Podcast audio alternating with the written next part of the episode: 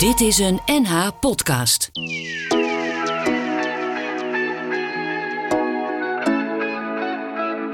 Vandaag heb ik eh, visite van eh, Nancy de Jong, stadsarcheoloog en geofysisch archeo- archeologisch specialist. Dat is een heel mooi visitekaartje. Ze onthult dus de wereld onder onze voeten en vertelt vergeten verhalen. En ze ontdekte dit jaar ook bijzondere oudheden bij opgravingen, zoals een oude herberg en twee huiskavels in de Boterstraat van Alkmaar. En ze is ook nog aan het promoveren op het onderwerp kastelen in Noord-Holland. Hè, Nancy, welkom. Ja, hartstikke leuk dat ik er mag zijn. Ja, nou fijn dat je er ook bent. Ben je, eh, ben je al op vakantie geweest? Of eh, um, Ik ben, mag je eh, nog? ben net eh, een weekje terug. En nee, ik ben vier weken op vakantie geweest. Zo. In Italië, in de bergen, in Toscane en in Slovenië. Eigenlijk allemaal dingen die niet met werk te maken hebben. Nee, want je gaat dan ook niet kastelen opzoeken of opgravingsterreinen of. Nee, nee, dat doe ik eigenlijk bewust niet. Los ervan dat mijn kinderen in een leeftijd zijn dat ze dat ook helemaal niet interessant vinden. eh, is vakantie is gewoon echt vakantie. Oh ja. Nou ben jij stadsarcheoloog. Dus wanneer is een archeoloog stadsarcheoloog? Nou, eigenlijk als je alleen maar archeologisch werk verricht voor één gemeente. Oh, oh zo. Dan moet je dat ja. eigenlijk zien.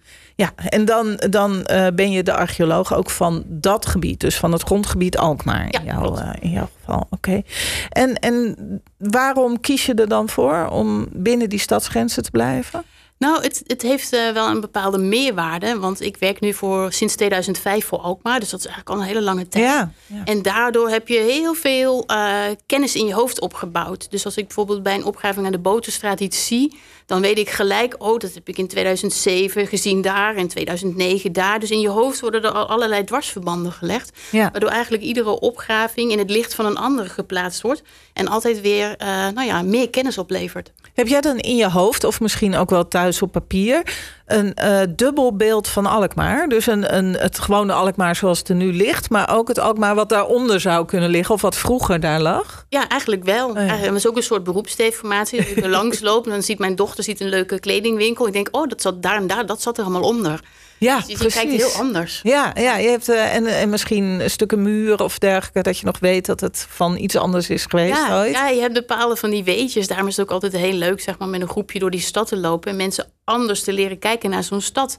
Waarom gaat deze straat hier omhoog bijvoorbeeld? Oh ja, het lijkt me toch dat als je inderdaad gaat graven, in Alkmaar bijvoorbeeld, Nancy, dat je dan, dat je dan echt even terugreist in de tijd. Ja, klopt. En in dit geval, eh, nou toch zo'n eh, dikke 700 jaar. En wat ontdek je dan? Wat kom je allemaal tegen? Nou ja, je gaat dus eigenlijk achterstevoren. Dus je begint met nieuw en je werkt naar oud. Dus Mhm. eh, wat je krijgt is een terrein waar twee huizen op stonden. En eh, dat ga je eigenlijk per perceel ga je dat opgraven. Dus Ja. je graaft langzaam stukjes naar beneden met de graafmachine... totdat je iets ziet en hoort. En dan ga je met de hand verder. En dan leg je eigenlijk in eerste instantie het binnenwerk van het huis bloot. En ehm, dat klinkt heel gek, maar op minder dan 10 centimeter onder de bestaande vloer... zit je ineens in 16e eeuwse huisvloeren al. Oké, dat ligt daar gewoon. Het ligt daar gewoon. Ja. Echt gewoon pal onder je voeten. En direct daaronder, zeg maar, dan zie je eigenlijk dat ze eerst een haard in het midden hebben en later tegen de muur. En eh, zit je echt in iemands huis. En je loopt op de vloer waar iemand eh, nou ja, honderden jaren geleden ook op liep. En dan vind je ook dingetjes die in die vloer terecht zijn gekomen eh, van zo lang geleden. Maar ben je dan ook heel blij als er een huis weg moet ergens? Eh, Want je kunt niet onder bestaande huizen graven. Dus er moet een, een mogelijkheid nee. Nou komen. ja, om, soms eh, zitten we ook wel in bestaande huizen. En Oh. nu is natuurlijk heel veel mensen die hun huis verduurzamen... waardoor de bestaande vloer eruit gaat. En, en Oh. liever een betonvloer met isolatie. En dan ga je inpandig het huis uitgraven. Dan doen we eigenlijk ook eh, onderzoeken. Maar die klinkt heel dubbel, maar het liefst laten we het zitten. Omdat eigenlijk de conserveringsomstandigheden in zo'n huis... of onder zo'n huis zijn perfect. Weet je? Want het zitten daardoor al jaren. En, en opgraven is stuk maken. Dus je kan het Oh. maar één keer doen. En als ik iets vergeten ben op te schrijven... en ik... Ja, archeoloog wil altijd overal onderkijken, Ja, eh, dan is het weg. ja, ja. Het komt niet meer terug. ja, maar goed, als je er een betonvloer op stort, dan is het ook weg. Nou ja, dan, Ja, is dan het- ligt het er nog voor je gevoel. Ja, dan heb je het afgedicht. Dus dat, dat klinkt heel dubbel. Ja. Eh, maar ja, maar als het dan toch moet, dan doen we het natuurlijk met, met alle liefde.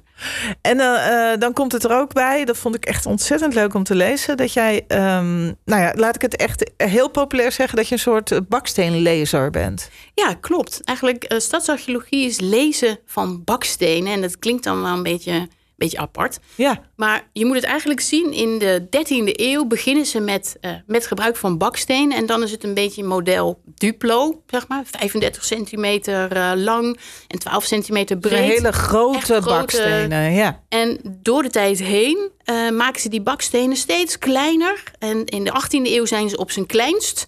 En vanaf de 18e eeuw dan kiezen ze gewoon wat ze mooi vinden. Okay. En daartussen, omdat we die zo vaak vinden, weten we als we een bepaald baksteenafmeting hebben, uh, uit welke periode dat komt. Want net als bij muren, uh, ja, daar heb je vaak geen scherfje die erbij zit om te zeggen hoe oud iets is. Dus Nee. dan lees je aan de hand van de bakstenen, kun je dus zien wanneer ze zeg maar een fundering hebben aangepast. Oké, wat grappig. Ja, dat je de, gewone dingen waar ik dus nooit naar kijk, gewoon een baksteen, dan denk jij van hé, hey, Ja. is een kleine lichtbruine, dat betekent waarschijnlijk dit en dit. Dan Ja. kun je dan eh, inderdaad bakstenen, bakstenen lezen. Wat, wat vind je nog meer bij opgravingen? Wat voor verhalen worden jou duidelijk waar ik eigenlijk alleen maar stenen zie?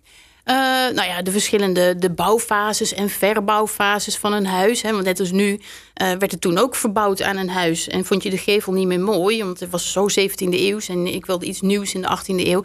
Ja, dan pasten ze dat ook aan. Het is eigenlijk net als nu. En je leert eigenlijk eh, al die verschillende verbouwingsfases te lezen.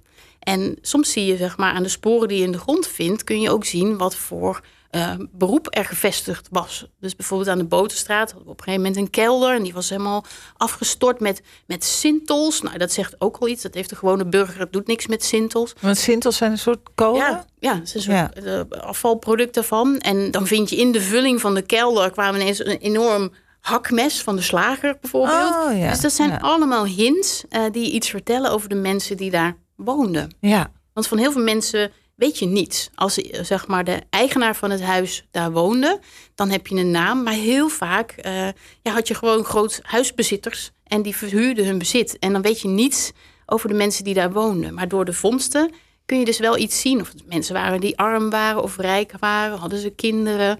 Dat kun je daar allemaal uit aflezen. Vind je ook wel eens iets heel raars? Bij tijd en wijle vind je wel rare dingen. Bijvoorbeeld ook aan de Boterstraat iets verderop eh, vonden we delen in de beerput van een babyschedel. Oh, Ja, ja. Ja, dat verhaal wordt nooit duidelijk waarschijnlijk, maar je wil wel graag weten hoe het ja. zit. Ja. soms heb je ook ja. dingen waar je echt denkt van... Of, of een deel van een onderarm in een beerput. Of Ja. Nou ja, een keer een half paard in een beerput. Oh. Ja. Ja, hoe die er ooit gekomen is. Ja, Ja, dat zijn wel rare dingen. Ja. Voor de, de koepel gezakt, voorover erin gevallen. En eh, nou ja, zijn achterkant stak er nog uit. En dat ontbreekt. Nou ja, daar zit de biefstuk, dat is logisch. Ja. En de rest Oh, hebben ze de put gedempt. Gewoon in de beerput. Ja. Maar Nancy, ik wil het nu nog zo graag even met jou over de kastelen hebben. Eh, want daar heb je, daar heb je natuurlijk eh, ja, een, een specifieke aandacht voor. Dat, dat heeft toch echt wel een beetje jouw voorkeur. Ehm, hoe, ga, hoe gaat het met het onderzoek dat je doet naar de kastelen in Noord-Holland? Nou, het gaat eigenlijk heel goed. Ik had eh, na mijn eh, vakantie had ik nog een, eh, een weekje overuren opgenomen om een weekje echt met mezelf erin te graven. Dus ik ben nu heel hard bezig met nou ja, de casus, noemen we dat dan, van kasteel de Middelburg. En dat is een van de kastelen die net buiten Alkmaar is gelegen. Heb ik hier daar de plattegrond van? Ja, klopt. Even kijken, welke is dat? Dat is deze. Eh, ja, klopt. Ja, dat Ja, je- zie je niet op de radio, maar ik heb hem hier voor Nee, en het leuke is, zeg maar, we hebben de jaren heen eh, hebben we heel veel gegevens nu verzameld over die kastelen. En eh, ook inderdaad met het geofysisch onderzoek, dus het kijken in de bodem zonder te graven, zijn we erachter gekomen dat dit kasteel zoveel groter was dan men aanvankelijk dacht. En ehm, nou, er is nu een tentoonstelling in eh, kasteel Radboud in Medemblik. En die heet Omringd door kastelen. En dat gaat over die kastelen die wij aan het onderzoeken zijn. En op basis van de gegevens die wij eh, boven tafel hebben gekregen... ehm, is eh, Marius Bruin, dat is een, een erfgoedspecialist... die heeft deze tekeningen gemaakt... eh, samen met ons. Dus eigenlijk op basis van al die gegevens die in ons hoofd zat en die op papier zijn, ehm, zijn we die op papier gaan zetten. Omdat al die gebouwen die genoemd worden in die grafelijke rekening moesten een plekje krijgen op een plattegrond.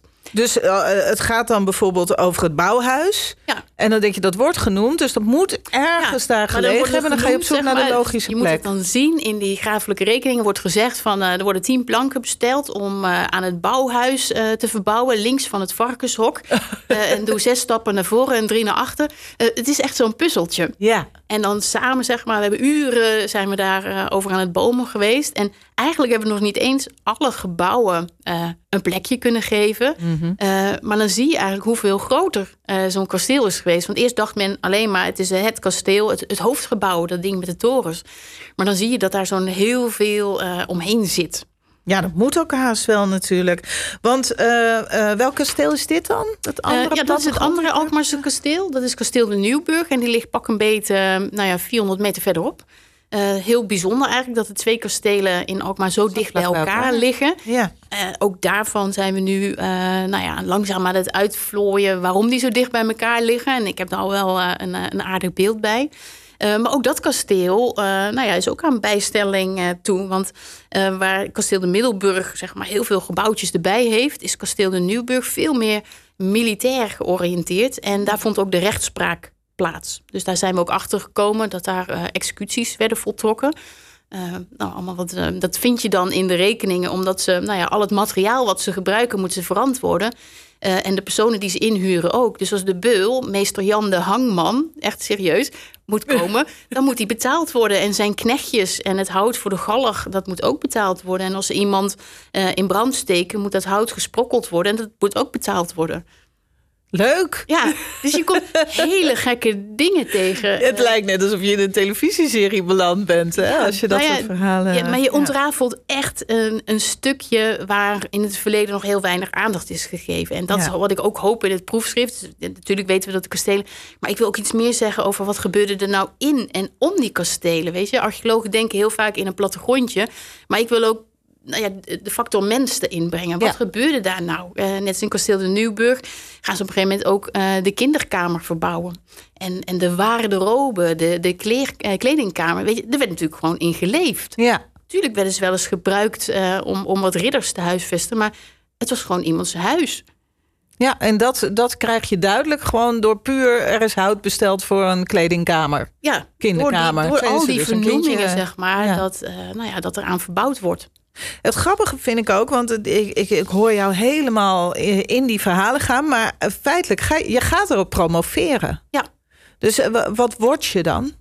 Uh, dokter. Uh, dokter in de kastelen van Noord-Holland. Ja, ja, dokter uh, in, in, in, de archeologie. dat, ik wilde vroeger ook dokter worden. Ik heb, ik heb meegelood voor geneeskunde. Ik ben ontzettend uitgelood voor geneeskunde. Dus nu word ik toch nog dokter, maar dan anders. titel, ja, inderdaad. Nog heel even, welke vondst of ontdekking hier bij deze kastelen heeft tot nu toe het meeste indruk op je gemaakt? Ja, toch wel bij kasteel de Middelburg de vondst van de Barbakanen. Dus eigenlijk het voorkasteel. Omdat oh, ja. eigenlijk dit ook in de bronnen de eerste keer is uh, dat dat vermeld is, mijn kasteel in heel Nederland. En dat we er ook echt een plattegrond van hebben.